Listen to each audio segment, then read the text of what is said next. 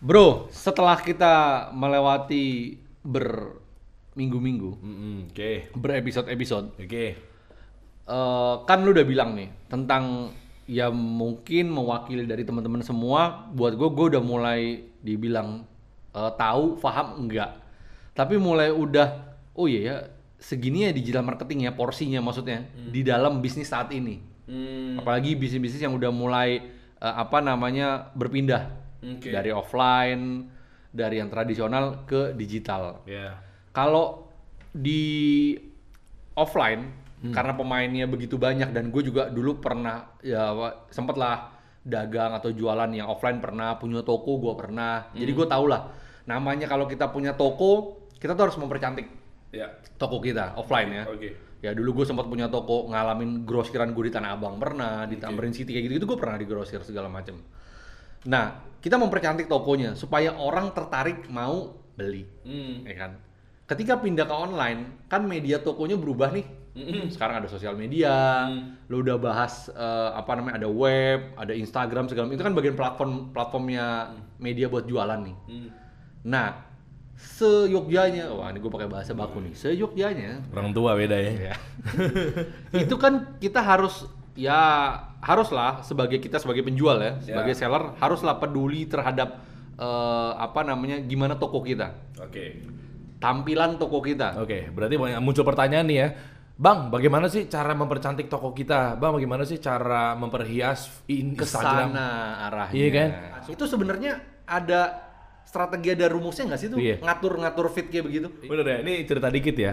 gue mau mulai bisnis baru sih dari tahun 2008. Gue berkecimpung di dunia marketing, Oke. ya kan? Eh, karena 2007 gue lulus SMA, 2007 akhirnya gue masuk kuliah, ya kan? Di situ kan ngambil eh, di London School tuh kan ada kalau mau ngambil jurusan Oh, lu kuliah juga ya? Eh, kuliah pak saya kan gini-gini juga kuliah gitu gitu ya jadi waktu di London School itu gue masuk tahun 2007 2007 gue masuk Ini Nah, buat sesi biografi kan? bukan bukan. Ini- pikir lagi ini, ngejelasin biografi. ini akan nyambung ke situ akan Oh, nyambung oke. cerita dikit. 2007 gue masuk kuliah nih ya kan sih? Eh, sambil bisnis. Sebenarnya udah jalan sih cuma mungkin fokus-fokusnya adalah tahun 2008 nah maksudnya menjawab yang seperti ini kenapa gue bahas dari sini dulu. Ya walaupun baru dibilang 12 tahun lah berkecimpung di marketing ya karena memang dari kampus dan lain sebagainya.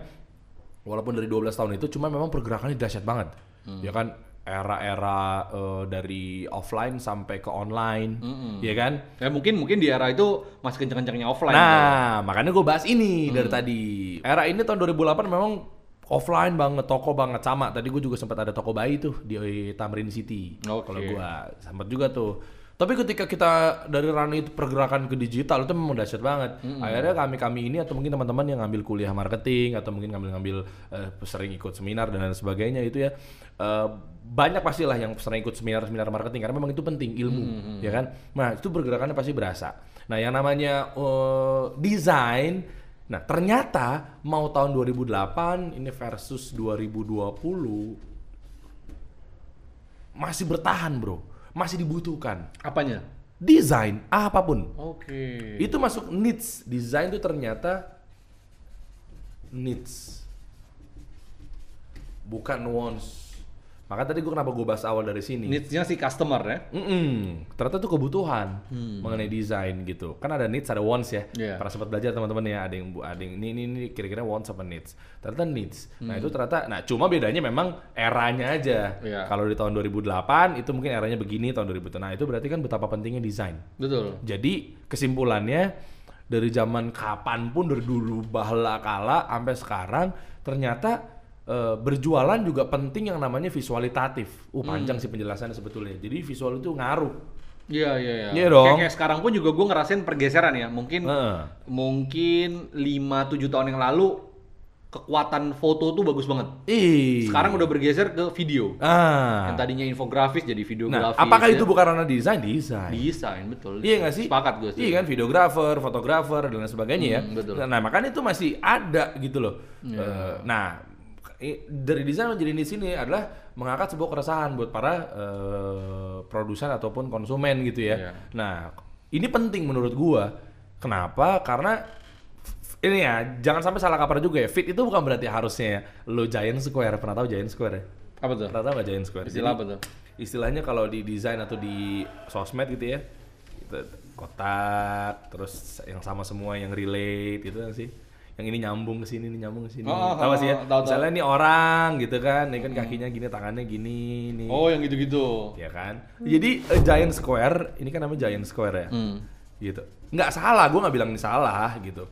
Tapi maksudnya bukan berarti ini melulu mempercantik fit seperti ini gitu loh. Masih banyak-banyak juga cara-cara yang lain gitu. Nah, itu juga penting. Nah, maksud gue eh, dari gue mengikuti pergerakan gue berkecimpung di dunia marketing ya walaupun baru 12 tahun ini ternyata 12 tahun yang gue jalanin ini untuk gue terjun untuk jualan apa segala macam ngaruh bro desain bro.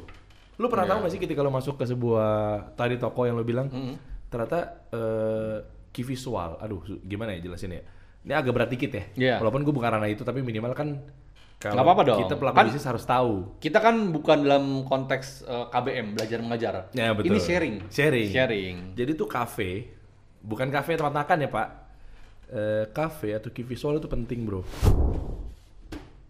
Jadi Hmm. pertama kali teman-teman kalau mau ngorder ke desain grafis itu biasanya harus tahu dulu.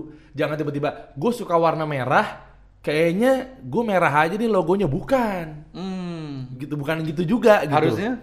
Iya maksudnya kita tentuin dulu dasarnya. Meeting sama desain grafis, Hmm. meeting sama tim segala macam. Key visualnya mau ke mana ya?